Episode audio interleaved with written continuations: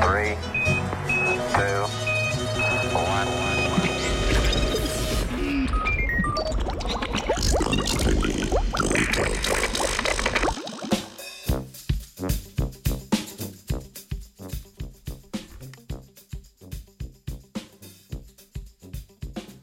Okužba pljuč na hrbtu mišk. Pri raziskovanju človeških bolezni si raziskovalci in raziskovalke pogosto pomagajo z živalskimi modeli, torej živalmi, pri katerih je razvoj bolezni zadosti podoben kot pri ljudeh. Najpogosteje uporabljene živali v medicinskih poskusih so miši, vendar kljub temu te pogosto niso primerne za raziskovanje nekaterih bolezni, kot naprimer okužb pljuč. Nedavna raziskava, objavljena v Nature Biotechnology, poroča o razvoju mišjih modelov za raziskovanje pljučnih okužb. Ravno te so skupaj odgovorne za približno četrtino vseh smrti ljudi.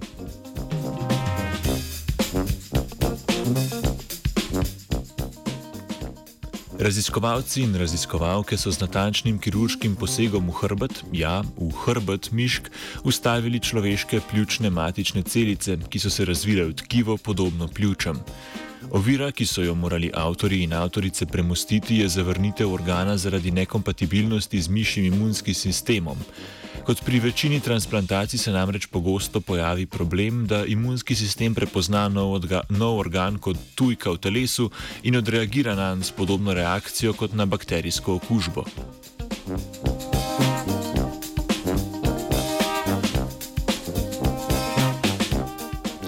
Zaradi tega so avtori in avtorice raziskave uporabili genetsko spremenjene miške, ki imajo močno oslabljen imunski sistem. Takšne miške se sicer ne morejo braniti pred okužbami, vendar iz zaradi istega razloga tudi ne zavrnejo presajenega organa. Da pa bi bil razvoj bolezni še bolj primerljiv z okužbo v ljudeh, so v miške ubrizgali človeške krvne celice, med katerimi so tudi imunske celice, ki pa ne reagirajo na presajeno tkivo.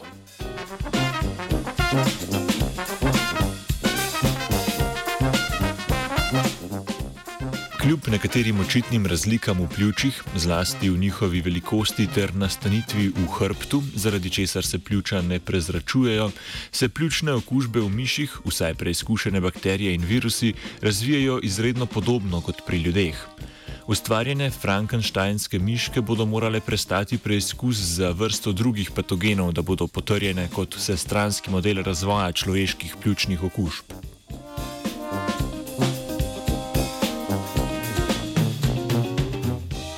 A prvi rezultati kažejo na možnost raziskovanja človeških pljučnih okužb na miškah, vsaj za nekatere patogene, kar znam izredno pospešiti razvoj novih zdravil in terapij proti vrsti bolezni.